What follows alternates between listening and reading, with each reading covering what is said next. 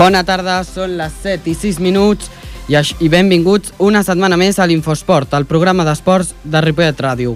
Com cada dilluns els aproparem tota l'actualitat esportiva de Ripollet.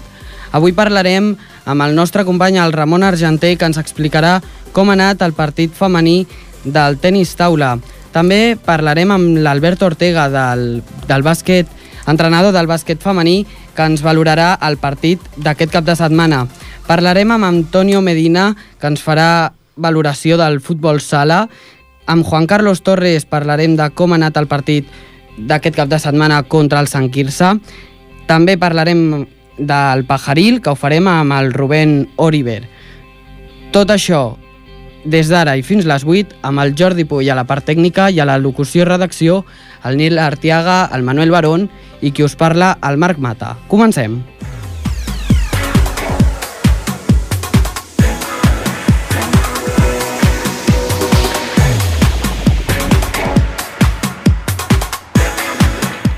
amb unes quantes notícies curtes. Malauradament, ahir al vespre vam conèixer la mort de Tomàs Sánchez, un fidel seguidor del Club Futbol Ripollet i que durant molts anys va ser president del Club Ripolletenc. Ens dona més informació el meu company Nil Artiaga. Bona tarda. Bona tarda, Marc. Doncs sí, en un comunicat a la seva web, el Club Futbol Ripollet es mostra molt trist amb aquesta notícia i dona el seu condol a la família de Tomàs Sánchez. El fèretre de Tomàs Sánchez està des de les 10 d'aquest matí al tanatori Trullol de Ripollet i l'enterrament serà demà, dimarts, a les 10 hores del matí, a l'església de Ripollet. Clubs d'altres municipis han donat el seu condol a través de les xarxes socials. Doncs de, des d'Infosport també donem el nostre condol a la família i als amics de Tomàs Sánchez.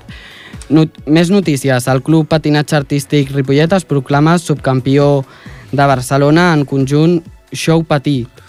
L'equip del Club Patinatge Ripollet, que l'any passat va ser cinquè al Campionat d'Espanya, torna a la competició. El passat cap de setmana va participar en el Campionat de Barcelona, que es va celebrar a Vic i on l'entitat ripolletenca va quedar segona. Van assolir aquesta posició amb el tema I si només tinguessis 24 hores, un tema que va entusiasmar el públic. El proper dissabte, 30 de gener, participaran al Campionat de Catalunya que es disputarà a la mateixa capital usonenca. Ara parlem del ripolletenc Lucas Cruz, que aquest any ha tornat a participar al Dakar. Doncs sí, el copilot ripolletenc Lucas Cruz ha participat un any més al Dakar, on ho ha fet amb Carlos Sainz. Malauradament, tots dos no varen poder finalitzar el Dakar. Només un dia després de posar-se líders, Sainz i Cruz van haver de deixar la competició per un problema mecànic a la caixa de canvis del cotxe que conduïen, que hem de destacar que aquest any ho feien amb un Peugeot. Moltes gràcies, Nil. No marxis, que ara passem al tenis taula.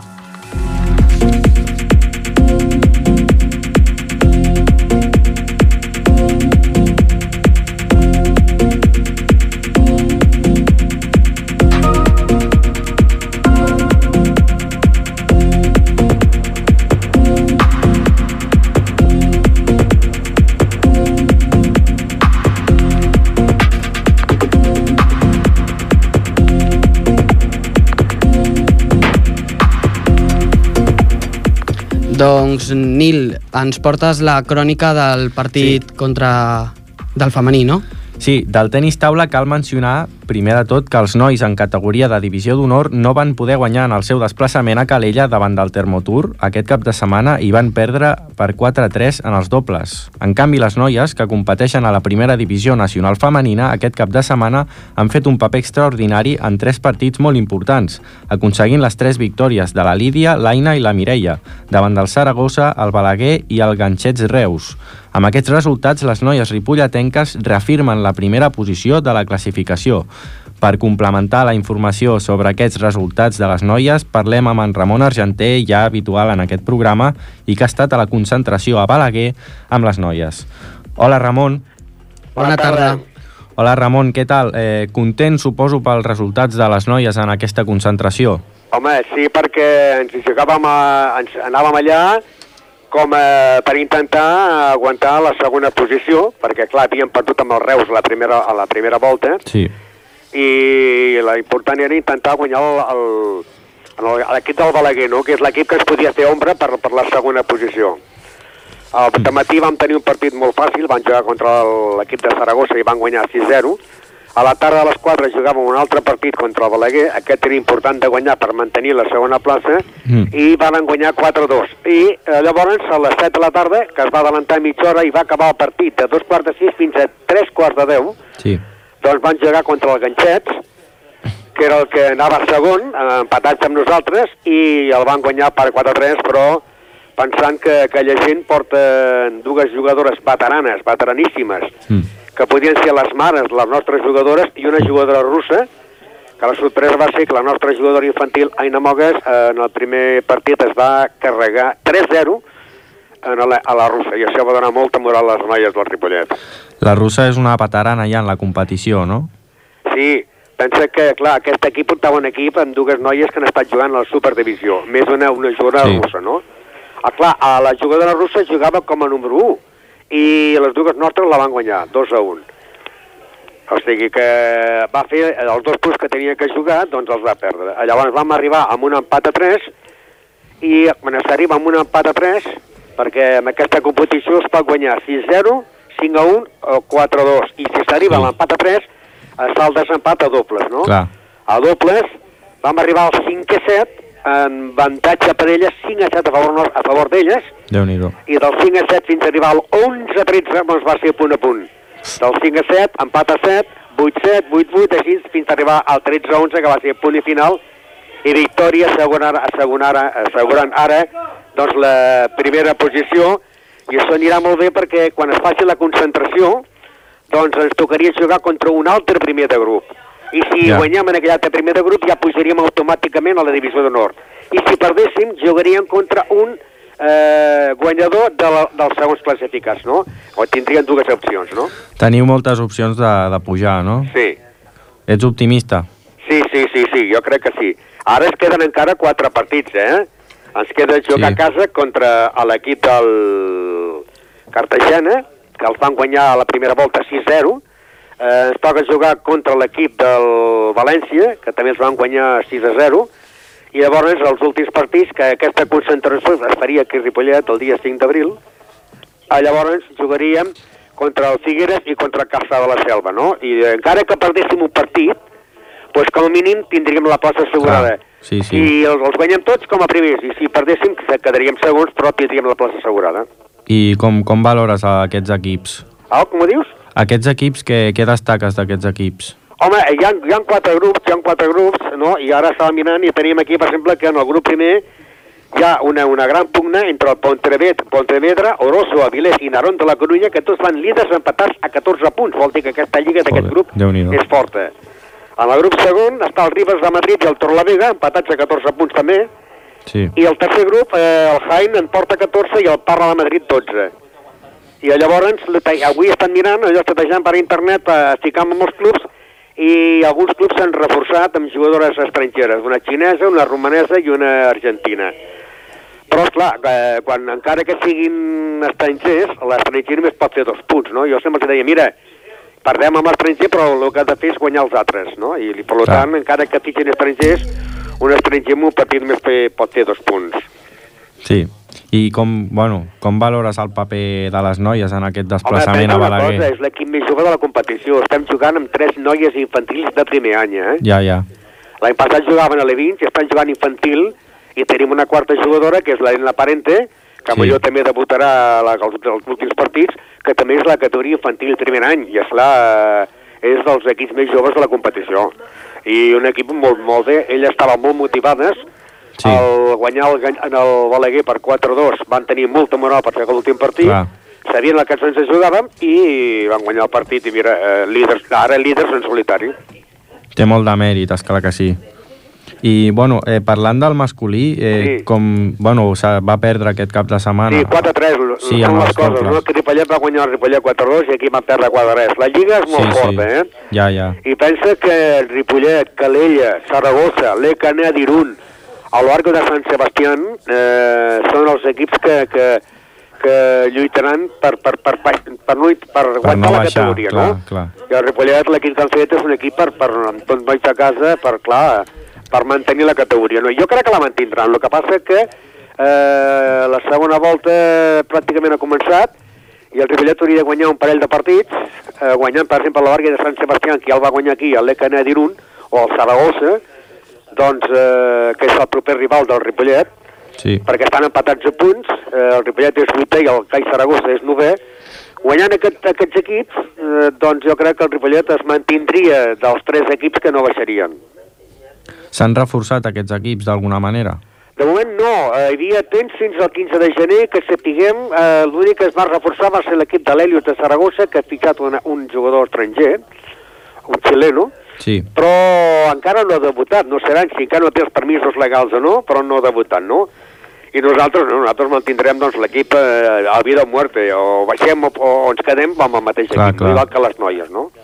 Tinc entès que, bueno, eh, la, la passada volta els rivals forts els veu, els veu anar a visitar i ara els rebeu a casa, oi? Sí, els rebem a casa. I els partits que s'han perdut, s'han perdut molts partits quatre res, perquè això va a sorteig, no? El sorteig. Sí, sí. Tu no saps quin equip et farà, no?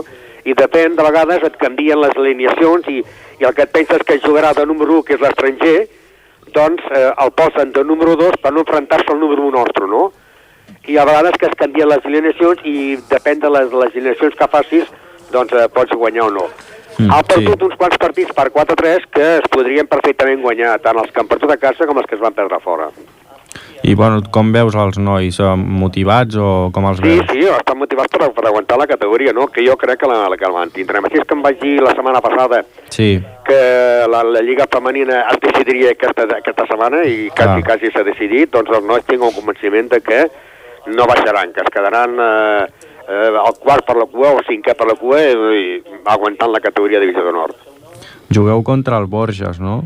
Sí, eh, però ara, que la setmana que ve, eh, l'equip que ens visita és el CAI Saragossa. Val.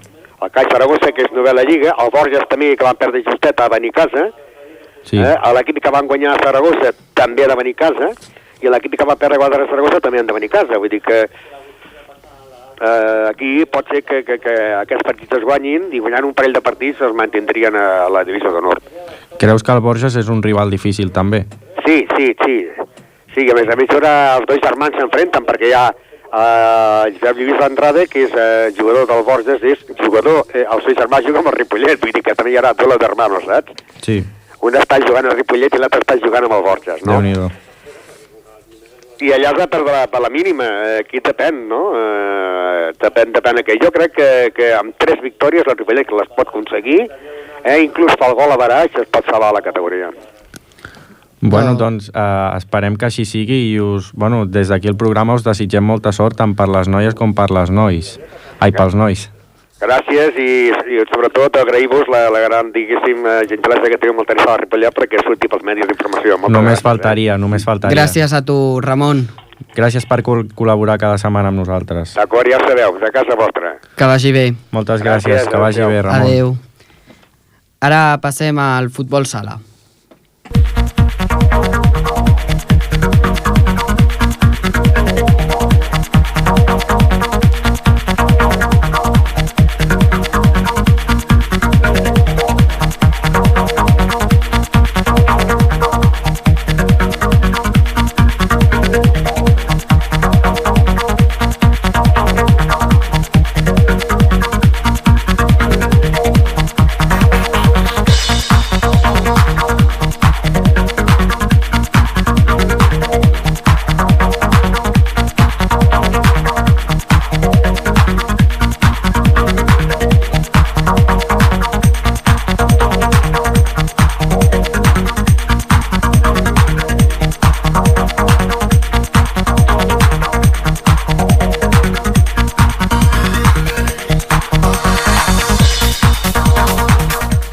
Doncs ara passem al futbol sala, que ha guanyat a l'Esparreguera per 2 a 3 i per portar-nos per parlar del futbol sala ho fem amb el nostre company un altre cop, el Nil Artiaga, que ens porta la crònica. Sí, doncs el futbol sala Ripollet va aconseguir la victòria per la mínima fora de casa davant l'Esparreguera per dos gols a tres. Aquest dissabte passat, partit corresponent a la 19a jornada del campionat de segona divisió B nacional de futbol sala. Amb aquest resultat, els ripolletens escalen posicions fins a la cinquena plaça de la classificació amb 31 punts i encadenen una dinàmica extraordinària de bons resultats sumant 6 victòries en els últims 7 partits amb un balanç general de 9 victòries, 4 empats i 6 derrotes. La setmana que ve, l'equip de Ripollet rebrà a casa el líder de la categoria, el Col·legi Sant Àngel, que és el primer classificat amb 41 punts, amb un balanç general de 12 victòries, 5 empats, 5 empats i 2 derrotes, i que aquest cap de setmana ve de derrotar com a local l'Aix Riera de Cornellà per 4 gols a 0. Per complementar la informació sobre el partit davant l'Esparreguera, parlem amb Antonio Medina, jugador del primer equip. Bona tarda, Antonio. Hola, Hola Antonio, ¿qué tal? Eh, supongo que, bueno, con esta racha sois ambiciosos de cara a conseguir las plazas de, as- de ascenso, ¿no? Sí, bueno, de ascenso tampoco porque es el primero y queda un poquito lejos, pero bueno, nos hemos ido marcando objetivos poco a poco y ahora ya como queríamos miramos más hacia arriba que hacia abajo. ¿sabes? Antes estábamos ahí con el con, con, el ojo puesto abajo, pero ahora ya tras, conseguir todas estas victorias estamos ya mirando hacia la Copa, que yo creo que, es el objetivo que, que el club el club nos marcó y el equipo. Eh, lleváis seis partidos ganando de, de siete. ¿Qué crees que ha cambiado en el equipo para que, para que la dinámica sea positiva? Bueno, fue los partidos anteriores o, o nos habíamos perdido o, o empatado por la mínima, ¿sabes? Y, Sí. y yo creo que, que a la que, que a la que sum- sumamos tres puntos, todas las victorias se nos pusieron de cara y, y, y yo creo que también el- el- la confianza, ¿sabes? Que antes no, no teníamos. ¿Crees que ha sido también la moral también? Sí, la moral. Eh, bueno, en el descanso ibais 0-0, si no me equivoco. Eh, ¿Qué os dijo el entrenador al descanso? Nada, nada, eh, que, que a la que entrara, parado. que a la que entrara una bola iban a entrar todas, a la que entrara una iban a entrar todas y así fue. Estábamos fallando mucho en la primera parte, dimos dos palos, ¿sabes? Y Sí. ellos, ellos nos llegaron escasas veces y, y nada, y a la que y, y a la que entrara una nos iban a entrar, y así fue. 0-1, luego 1-1 y luego ya incluso pudo ser más amplio el resultado, pero bueno, dejémoslo ahí que tenemos que afinar más la puntería. ¿Crees que el equipo fue superior durante todo el partido, no? Sí, sí, sí, ya sabíamos cómo, cómo, cómo cogerle a la esparraguera y con posiciones largas. Teníamos la bola durante bastante tiempo y ellos de- detrás de la bola sufrían y, y en todo momento yo creo que no, no, no peligró dejarnos ahí tres puntos. ¿Qué aspectos positivos del juego del equipo destacarías aparte de, bueno, de la victoria? Bueno, pues las posiciones largas, el no obsesionarnos, aunque no entren los goles, porque erramos bastantes ocasiones, ¿sabes? Pero sobre todo las posiciones largas, la estrategia, la los movimientos sin balón, cosas que antes no hacíamos, ahora ya nos estamos aplicando y las estamos haciendo. Eh, Antonio, buenas tardes. ¿Qué aspectos crees que habría que mejorar para la próxima jornada? Bueno, esta jornada nos visita el líder, un partido bastante difícil, pero bueno, yo creo que en casa se le puede hacer daño a esta gente. Tenemos que estar enchufados los 40 minutos porque allí fueron que lo- allí, a- allí en Castel de Fe los primeros 7 minutos tuvimos una paja y se pusieron cuatro eh, rápidamente 4-0 y remontaron 4-0 contra según qué equipos puedes hacerlo, pero contra gente de arriba eh, es difícil, prácticamente ¿Qué de- prácticamente imposible, así que tenemos que estar enchufados los 40 minutos y, y cometer los mínimos errores y, y matar nuestras ocasiones. ¿Qué destacarías de este equipo? Bueno, es un equipo candidato al ascenso, es un equipo puntero de, del grupo, ¿sabes? Ya, ya lo vemos que está ahí. Bueno, ya cuando se hizo se hizo el calendario y salió salió, salió este equipo, sabíamos que iba a estar arriba. Es un equipo con jugadores veteranos que han jugado en primera, han jugado en segunda y yo creo que es candidato al ascenso. Es uno de los mejores, para mí, el mejor de la categoría. Y bueno, eh, eh, sois ambiciosos, eh, o sea, sois optimistas de cara a este partido. ¿Cómo, cómo lo afrontáis? Sí, hombre, claro, somos ambiciosos y más en casa. En casa se nos, no, no se nos puede escapar los puntos y ahora que estamos enrachados tenemos que seguir con esta racha.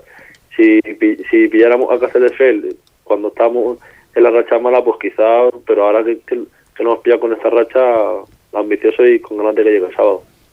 Pues Antonio Medina, muchas gracias por haber atendido nuestra llamada y desde aquí, desde Infosport, desearos que os vaya muy bien en el próximo partido y, y más Gracias. adelante. Muchas gracias, Antonio. Gracias, que vaya bien. Muchas gracias.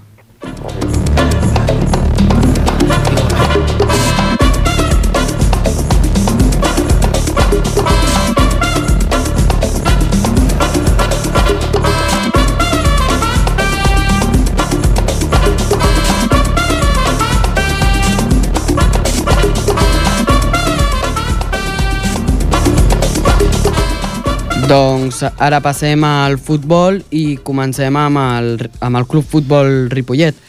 El Club de Futbol Ripollet va derrotar a domicili, eh, va, va derrotar fora de casa aquest cap de setmana al Sant Quirze, el líder de la classificació del grup 4 de la segona catalana per 0 a 1. Amb aquest resultat, els ripolletens se situen segons a la taula amb 33 punts, un punt per sobre del Sant Quirze. La setmana que ve l'equip de Ripollet rebrà a casa el Sallent, equip que ara mateix ocupa la vuitena plaça de la classificació amb 26 punts i que aquest cap de setmana ha derrotat el Sabadell Nord per dos, per dos gols a un. Per parlar d'aquest partit tenim a Juan Carlos Torres, entrenador de l'equip ripolletenc. Bona tarda, Juan Carlos. Hola, bona tarda. Què tal? Com està l'equip anímicament després d'aquest resultat?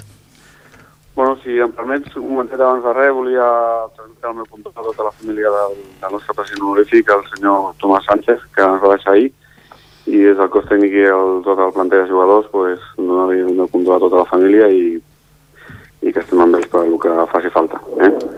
Sí, com hem dit abans, és, és una notícia que us ha deixat tristos a, a tot el club. Sí, sí, sí. Uh, bueno, ens va arribar ahir i, bueno, i des d'aquí pues, volia aprofitar per, per donar suport a tota la família, per, per la part de, de, dels jugadors i del cos tècnic i que, bueno, que, que estem per el que faci falta. Eh?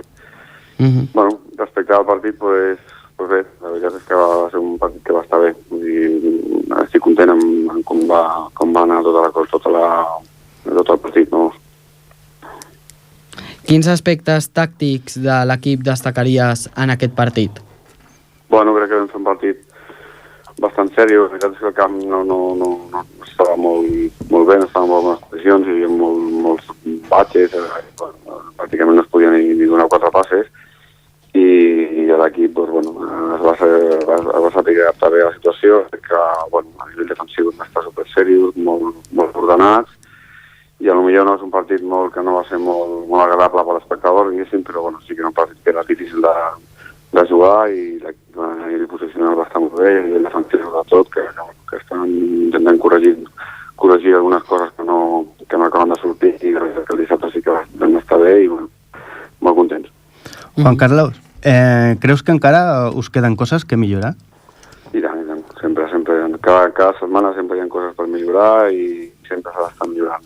Mai, mai, no fa, mai no es fa un partit mm, complet i, bueno, i estem millorant coses i estem molt, molt a sobre de coses que hem de, que hem d'estar, que hem de tenir molt, molt present per, per, per poder estar on volem estar. No? L'equip a nivell defensiu té que mostrar aquesta actitud i aquesta determinació sempre a tots els dimensions i no, i no podem caure en situacions, situacions de, de, de, bueno, de fer un bon futbol, de fer un bon partit i perdre el partit per, per dos mm -hmm. accions puntuals com passar fa 15 dies. No? Això no, no, no pot tornar a succeir i amb això estem a millorar tot això.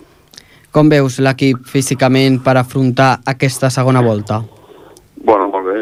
Estem treballant molt amb el Joan, que està fent un treball espectacular, que està amb mi, i, i l'equip està molt bé. Estan aguantant els partits ja amb una intensitat molt, molt alta, li donem molt de ritme al joc i, bueno, A nivell físic, tant a nivell tàctic i sobretot a l'actitud de jugadors que és eh, inqüestionable i estan donant-ho tot, no? Tots des de, de la primera fins a l'últim estan donant tot i bueno, estem contents, contents. Uh, queda, queda per davant i crec que, que aquest equip ens fica donar moltes, moltes alegries. Sou ambiciosos? No, clar, sempre. L'any passat ens vam quedar eh, a les portes d'aconseguir un, un objectiu que, que, que, que era maco per tots i, i aquest any doncs, el que volíem era millorar-lo i en això estem. Vull dir, volem, volem anar diumenge perquè ja sabem aquí que, que no, ningú no regala res i mica en mica pues, anar, anar donant el que jo crec que té aquest equip, no? que té un, té un potencial bastant, bastant elevat, però hem de, hem de fer-ho corregint algunes coses, millorant molt alguns aspectes i, i bueno, entre tots ficar l'equip on, on crec que, que es mereix, no? Amb quines expectatives afronteu el partit davant del el Sallent? Bueno, pues, pues té a tot una mica, una mica de, de, de regús de mar que ens ven, que ens ven quedar allà, que vam partit futbolísticament amb pilota bastant bo, però sense pilota està horribles i vam queixar una golejada allà de 4-1. Bueno, en certa forma l'equip té ganes de, de, de refer-se d'allò i, i amb l'empenta que ens va donar aquest resultat el dissabte, doncs intentar fer un bon partit de futbol, que, que l'equip jugui bé i que i, eh, hem d'aconseguir un bon resultat. Per ganes no, no serà, l'equip està amb, amb, ganes, amb molta, molta il·lusió i això es detecta al- vestidor, com va acabar el partit, o sigui, la gent té molta il·lusió i, i això és el més important al futbol. No? Si no tens un grup en- il·lusionat és molt difícil fer res, i aquest grup té molta il·lusió per fer coses i, bueno, i és per, serà un partit difícil, però, però crec que amb aquesta actitud la podem treure. Què destacaries del joc d'aquest equip? És Sallent? Sí. Bueno, allà van, van tancar-se bastant al seu camp, ens van esperar i van, van aprofitar el 100% cada errada que vam tenir. No? Vam tenir 4 o 5 errades i de les 4 o 5 vam fer 4 gols. No? I millor a casa, pues, si venen amb, aquest, amb, aquesta, amb aquesta intenció o millor volen venir a fer un futbol ofensiu. Doncs espero un equip molt batallador que està fent una, una bona reacció, que està sortint dels postos de, de, d'ascens, que estava una mica ficat a baix i està sortint, està fent bon resultat. I tot i que fora de casa no s'ha traient tres punts, però sí que és un rival molt complicat i, i esperem que, que, bueno, que ens doni molta guerra, no? Per, per ser molt també, per, per intentar per intentar donar al màxim, no? Antonio, eh, heu pensat de fer algun reforç o de cara a la segona volta per, per complementar l'equip d'alguna manera? M'estàs parlant a mi? Sí, Ah, vale. Juan Carlos, perdona. vale, vale. Eh, no, bueno, sempre estem pensant una mica en millorar, millorar la plantilla, sempre però sí que ho tenim clar que no, que no millorarem, o sigui que no portarem cap jugador que no, que no millori el que tenim, no? Si, si, si surt l'oportunitat de, de reforçar l'equip, doncs sempre estem disposats, però, però no té que ser que millori el que tenim, sinó millorar el que tenim, en el cas d'aquest any del, de l'Enrique, que va, venir i ens està donant un, un rendiment espectacular i, i té que ser una cosa així que, no, que ens doni un, bueno, un, plus a, a l'equip. No? Estic molt content amb tota la plantilla, amb tot el que s'està donant, estem recuperant la plaga de lesionats que hem tingut, que portem des del, des del setembre amb una mitjana de sis, de sis jugadors fora cada, cada partit. Aquesta setmana crec que els recupero tots i, bueno, i, i, molt, i molt il·lusionat per tenir tota la plantilla a la meva disposició. Més el David, el pobre, que tindrem Sí. bastant més temps. No? Com valores el nivell de, de les noves incorporacions i de, de tot l'equip en general fins ara? pues, bueno, crec que en, a nivell eh, potser de resultats i hem estat una mica irregulars, però la, també és cert que hi havia bastanta, bastanta gent nova aquest any i, bueno, tot el que s'ha de fa, un, fa mitja volta que estem treballant, crec que la gent ja comença a conèixer bé, tothom, tothom ja sap, eh, eh, bueno, ja coneix els companys, ja que van venir nous i jo estic molt content amb tots. Eh, bueno, hem tingut, ja dic, alts i baixos i, i espero que a partir d'ara pues, l'equip tingui, tingui una mica de, de regularitat i amb aquesta regularitat està, esperem, però els rendiments que ha vingut és eh, entre notable i excel·lent, vull dir, molt bé. Creus que ja tothom està adaptat a l'equip? Sí, jo crec que sí. L'únic que dic és que el problema és que hem tingut lesions de llarga durada de, de bastants jugadors inconsecutives i al final és difícil quan tens que fer, quan tens que fer eh, convocatòries, clar. a vegades és bastant complicat, no? Perquè has de fer intents moltes vegades i, bueno, i a vegades doncs, té ganes ja de poder comptar amb tothom i poder donar minuts a tothom i que no, no, no, no carregar de, de minuts i de pressió a la, a la mateixa gent sempre, no? que, que al final acaben amb baixes formes o amb, amb situacions físiques que no, que no, que no volem i amb això pues, bueno, espero que, que d'aquí millori, no?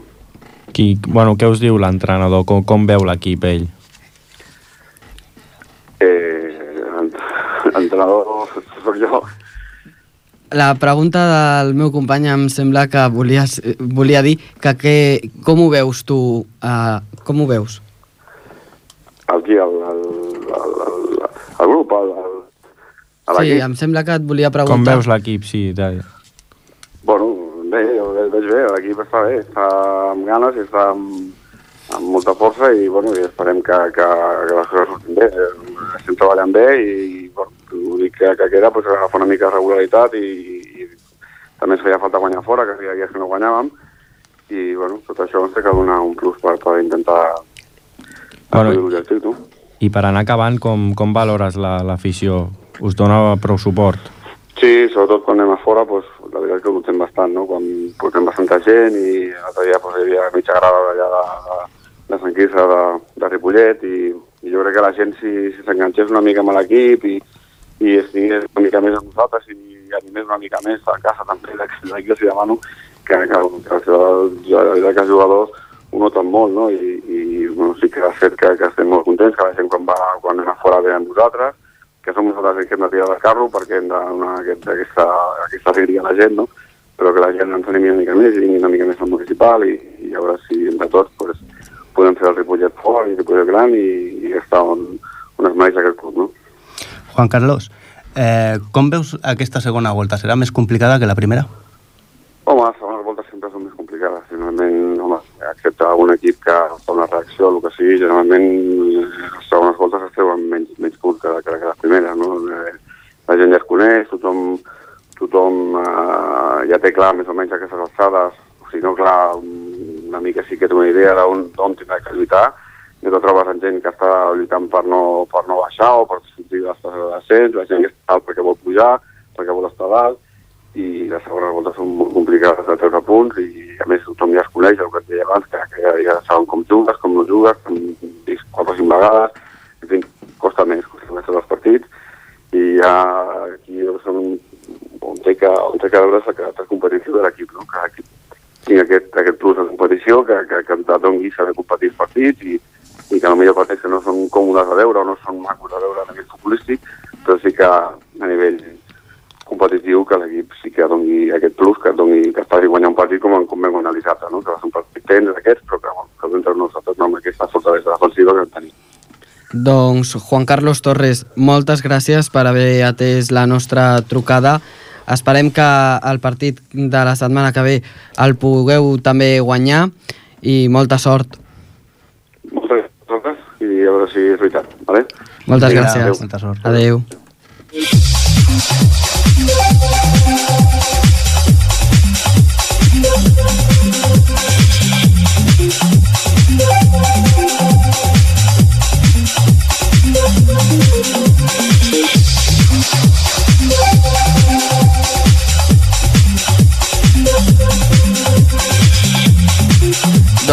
continuem amb el futbol perquè hem de parlar del Pajaril que ha guanyat en el camp de la Sabadellenca per 1 a 3. Uh, per eh, parlar d'aquest eh, partit, el nostre company, el Manuel Barón, ens porta la crònica i, y ens explicará qué ha fet el Pajaril. Buenas tardes, Manuel. Buenas tardes, Brian. Ay, Marc, que Brian no está hoy. pues este, pas- eh, este pasado fin de semana el Pajaril volvía a jugar fuera de casa. Esta vez lo hacía ante la Saballerenca. Eh, comenzamos así la segunda vuelta ante una Saballerenca que lo puso muy difícil para el Pajaril, ya que se está jugando la, la permanencia. El Pajaril se adelantaba eh, a tan solo un minuto de, de partido con un gol que puso Jordi López del Amor.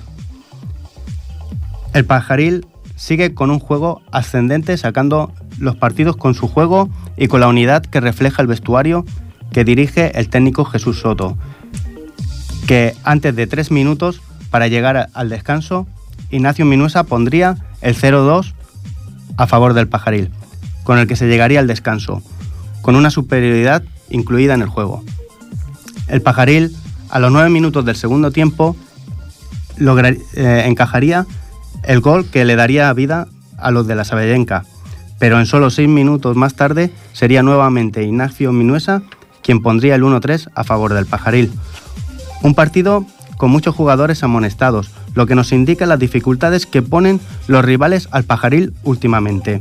Al final, un 1-3 para el conjunto de Jesús Soto, que suma tres puntos más y sigue escalando posiciones con un tercer partido ya ganado. El Pajaril mm, lleva tres jornadas, como decimos, con victorias y esperando ahora al próximo rival en casa, el segundo clasificado, que es el Tibidabo Torre Romeo. Y, y para analizar más el partido tenemos a, a Rubén Oribe. Muy bien. A Rubén Oriber, que em diuen que ja el tenim al telèfon. Buenas tardes, Rubén. Buenas tardes. Hola Rubén, eh, ¿qué nos puedes contar del partido? Adelantaste tan solo un minuto, Eh, y bueno, eh, al parecer cada vez los rivales o lo están poniendo las cosas más difíciles, ¿no? Sí, fue, fue bastante duro el partido. La verdad que todos, todos, todo el equipo fuimos a una y, y eso fue lo que yo creo que eh, nos hizo que sacáramos el partido adelante. Eh, comenzabais la segunda vuelta, debutabais contra la Sabayenca en la primera vuelta, era vuestro debut, empatasteis a una eh, en casa. ¿Ha sido muy diferente el encuentro de esta jornada a aquel primer partido? Sí, sí, es lo que te comentaba. Eh, eh, la diferencia la habéis marcado en que todo el equipo estábamos mucho más unidos y íbamos todos a una, no cada uno miraba por, por sí mismo y eso, eso se ha notado. Mm, ¿Podéis observar que los rivales eh, os ponen los partidos cada vez más complicados? ¿Son más duros los partidos? Sí, claro, porque ya nos conocen la manera que tenemos de jugar, más o menos. Entonces cada vez pues es más difícil. Lo digo porque también, por ejemplo, eh, la pasada semana también jugabais fuera, jugabais contra el Mirasol, ganasteis 1-2. Eh, ahí también vimos que han habido muchas tarjetas eh, rojas para el equipo del Mirasol, o sea, allí también fue muy, muy complicado el partido. Sí, fue muy complicado, sí, la verdad que sí. Los equipos se, se encierran bastante y nos cuesta bastante. Sí, sí. ¿Cómo ves al, Eh, al equipo para afrontar esta segunda vuelta? Promete ser intensa y complicada, ¿verdad? Sí, yo lo veo, yo, yo la verdad que lo veo muy bien ahora y, y espero que sigamos con la misma dinámica y hasta el final. Y por qué no esperar un- unos puestos por arriba. La verdad que ahora mm, os enfrentáis a un, un- tenéis un, partido bastante complicado eh, ante el Tibidabo Torre Romeo, que es segundo clasificado.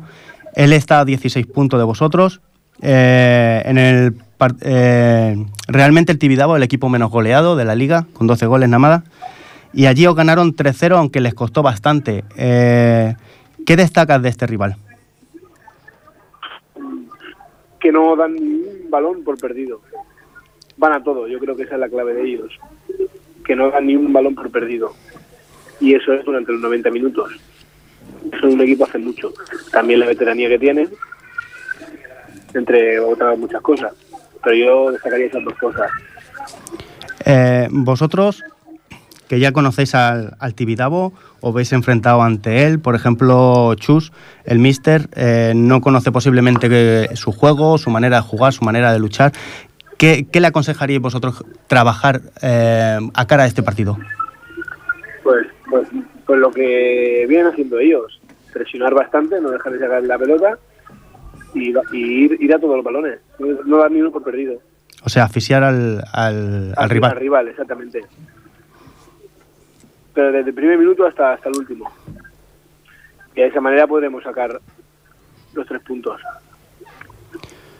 Yo lo veo factible. ¿Qué, qué podrías destacar eh, del, del equipo del Pajaril eh, en estos últimos partidos? Porque lleváis tres jornadas consecutivas ganando, sacando victorias, eh, dos de ellas fuera de, de vuestro campo, con partidos muy complicados. ¿Qué podrías destacar tú del, del Pajaril? ¿Qué, qué ha mejorado? Aunque quedan muchas cosas que mejorar seguramente, pero, Sí, pero yo pienso que, que el equipo ha ido evolucionando poquito a poco porque a verse en los puestos cercanos a la parte baja, a encontrarse ahora a- más desahogado, eh, jugáis mucho más relajado incluso porque se os ve, ¿no? Sí, no es lo que te he dicho antes. Eh, antes cada uno iba eh, a su bola y ahora pues vamos todos a una. Entonces eso se nota mucho en un equipo. Cada uno hace lo que tiene que hacer dentro del campo y, y esa es, es la clave, yo creo. Pues Rubén, muchas gracias por, por habernos atendido y que vaya muy bien. Vale, un placer. Muchas gracias. A ti. De-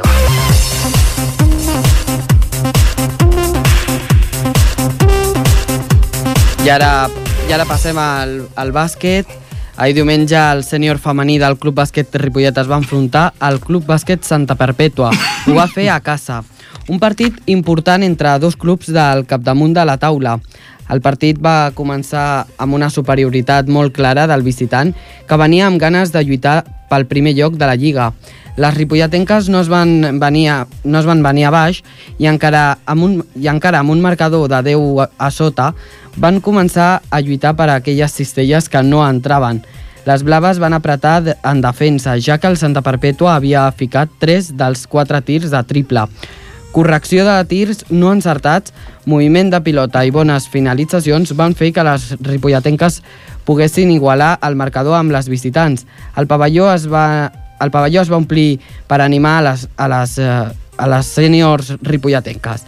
Després de realitzar un parcial a favor de casa, van posar-se les piles per poder remuntar el partit i emportar-se la victòria.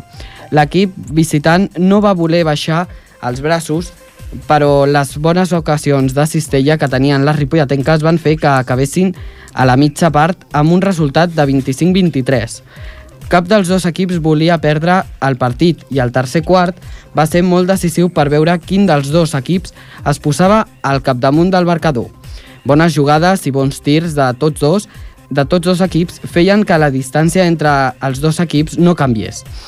Les blaves van aprofitar l'ocasió i es van allunyar de 10 punts al final del tercer quart, deixant una distància considerable, difícil, però no impossible de remuntar. L'últim quart era decisiu i les visitants no volien perdre l'oportunitat d'emportar-se la victòria cap a casa. Les de casa van tenir diverses ocasions de, de cistella, però les, la defensa del Santa Perpètua no va deixar que entressin. La diferència al marcador va disminuir deixant els últims 5 minuts de partit un joc molt igualat. Moltes faltes per recuperar la pilota i un nivell de lloc que no s'acostuma a veure en tercera catalana. Tots dos equips van posar les seves millors jugades per poder guanyar el partit, però les ripolletenques van saber parar a les visitants, acabant amb un resultat final de 60-55. Per parlar d'aquest partit, contem a l'altre costat del telèfon amb l'Albert Ortega, entrenador del sènior femení del Club Bàsquet Ripollet. Bona tarda, Albert. Hola, bona tarda. Ahir us vau enfrontar al Santa Perpètua, ho veu fer a casa, a qui li veu guanyar per 5 punts de diferència. Exacte. Va ser un partit complicat, tot i que guanyessin. Va ser un partit molt complicat i, i molt divertit, vist des de fora, des de la banqueta, doncs, patint, no? Però, però has fet una crònica molt, molt, molt bona i que per mi eh, va ser tal qual com en el partit. Era un partit que, donat els resultats, ens posava l'última en aquesta jornada amb un triple empat a la primera posició entre Alcaldes, altre equip que hem d'anar a jugar allà, a Santa Perpètua i, i nosaltres. Per tant, era un, una, un partit eh, a la lluita del primer lloc. I, i bé, tal com has dit, és a dir, el primer quart va, ens va costar una miqueta, jo crec que els nervis, el pavelló era impressionant, és a dir, era un goig jugar allà, molta gent va vindre de l'escola de bàsquet Sant Graviel, ja que eh, moltes entrenadores de, de nenes juguen al sènior, Mhm. i bueno, la setmana vam, vam fer un vídeo promocional, vam fer una crida als equips i la veritat és que, malgrat que hi haguessin els tres toms, vale, que era un altre, un altre acte al poble on també hi va molta gent, Sí, sí. Em, doncs va, anar- va anar molt bé. Doncs el que deia, el partit ens va costar molt, ens vam ficar nerviosos, jo crec, al principi, ens, ens vam marxar 10, i estic molt content de les, de les jugadores perquè, ostres, no, era un molt bon equip a Santa Perpètua i, i vam ser capaços de remuntar, remuntar i marxar amb l'última jugada amb un per sobre.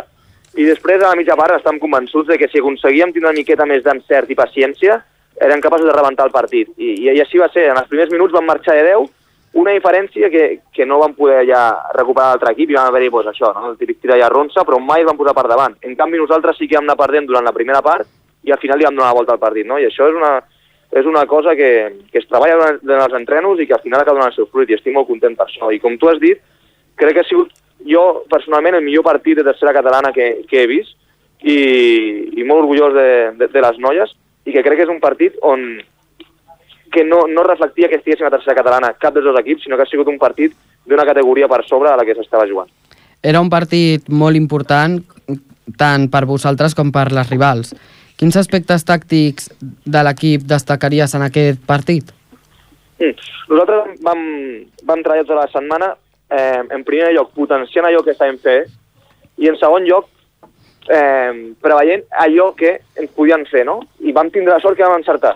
És a dir, allò que els entrenadors van preveure que ens podia fer l'altre equip, ho vam treballar durant la setmana i ens ho vam trobar. Això va fer que mm, doncs no ens enganxéssim, no, amb allò. Vam trobar unes solucions que tot i així ens va costar, però com a mínim no ens va provocar pèrdues de pilotes, no ens va provocar altres coses, no? Mm -hmm. Doncs, bueno, va ser això. eh, reforçar molt, molt, molt allò que nosaltres fem bé i intuir una miqueta què podien fer elles per intentar eh, minvar eh, el nostre punt fort. Creus que, tot i que ja hem vist que va ser un bon partit, creus que s'ha de millorar alguna cosa pel proper partit? Home, eh, clar, clar, si no, si tot s'ha de millorar tot, és a dir, van fallar, van fallar molts tirs, van fallar passes, van fallar moltes coses, però han de seguir treballant, ja ho saben, i no hi ha cap problema. Sí, sí, s'ha de seguir millorant, sí. Sou ambiciosos?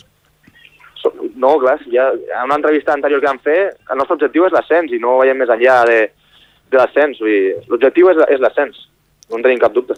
Espereu que arribi aviat aquest ascens? Home, esperem que arribi quan hagi d'arribar, però que arribi. Aquest any, aquest any, aquesta temporada. Ens queden, jo crec que quatre partits que es podem perdre. El primer aquest cap de setmana ja l'hem guanyat. Per tant, ens queden tres partits difícils. Un d'ells és aquest diumenge eh, a Cerdanyola. I, bueno, doncs, mica en mica estem fent bé la feina i al final, doncs, tenim sort, les coses sortiran. Sí, això t'anava a dir, que la setmana que ve us enfronteu al Cerdanyola. Quina, amb quines expectatives afronteu el, aquest partit? Les expectatives són les mateixes que, que t'he comentat i, i és guanyar i fer el nostre joc, eh? no només guanyar, i, perquè està clar que, que l'important és això, però no val de qualsevol manera o, o no ho entenem així dins l'equip, no? I bé, vam anar a veure fa un parell de setmanes un partit de Cerdanyola, vam prendre eh, un parell de punts i, i igual que Santa Perpètua, intentarem eh, potenciar els nostres punts forts, veure què fan elles i com poder-ho eh, defensar i, i ja, ja està, al cap i a la fi tampoc és una categoria tan tan rica tàcticament com perquè haguem de trencar-nos gaire les banyes, no? Però, però bueno, si, si podem ajudar una miqueta que les coses surtin millor, els entrenadors ho estem fent i les, les noies estan posant tot de la seva part i, i amb les màximes il·lusions anem allà. A més és un partit que a la- a l'anada el van perdre aquí a casa, o sigui que és un partit difícil i important. Què destacaries del joc del Cerdanyola? Bueno, no, no ho sé, no, no sé què destacaria. Tenen un parell de jugadores que, que corren, que són imprevisibles, tant per bo com per dolent. Eh, tenen alguna jugadora que ha jugat a categories força més altes. Bueno, no, no ho sé, no ho sé. Jo crec que... No, no, no em preocupa, eh? em preocupa més nosaltres. No, no sé. De, jo crec que si intentem tapar eh, alguna cosa que fan bé, que faci que els ralenteixi el seu atac, haurem guanyat molt. I això, doncs, des d'avui ho començarem a treballar. Mhm. Doncs, Albert Ortega, moltes gràcies per haver atès la nostra trucada i esperem que la setmana que ve pugueu guanyar el Cerdanyola com heu, i pugueu fer un partit com el que va ser el d'ahir i també que aviat puguem, par, puguem dir que heu aconseguit l'ascens. Exacte, sí. Jo eh, també vull agrair eh, una altra vegada a tothom que es va apropar al pavelló i, i també al regidor d'Esports, el Ramiro, que també es va apropar, ja ens ho va dir la setmana que s'aproparia, i agrair-ho de tot cor a tots els que van vindre, perquè primer ens van ajudar molt i segon és un tema que, que fa caliu, que fa poble, que fa esport, fa bàsquet, i eh, sempre és, és agraït, no?, venir a la grada i veure que, que la gent està gaudint amb allò que estàs fent. Sí, perquè la presència de, de l'afició és important. Sí, sí, molt, ho és molt. Doncs moltes gràcies, Albert. A vosaltres. Que vagi bé. Adéu.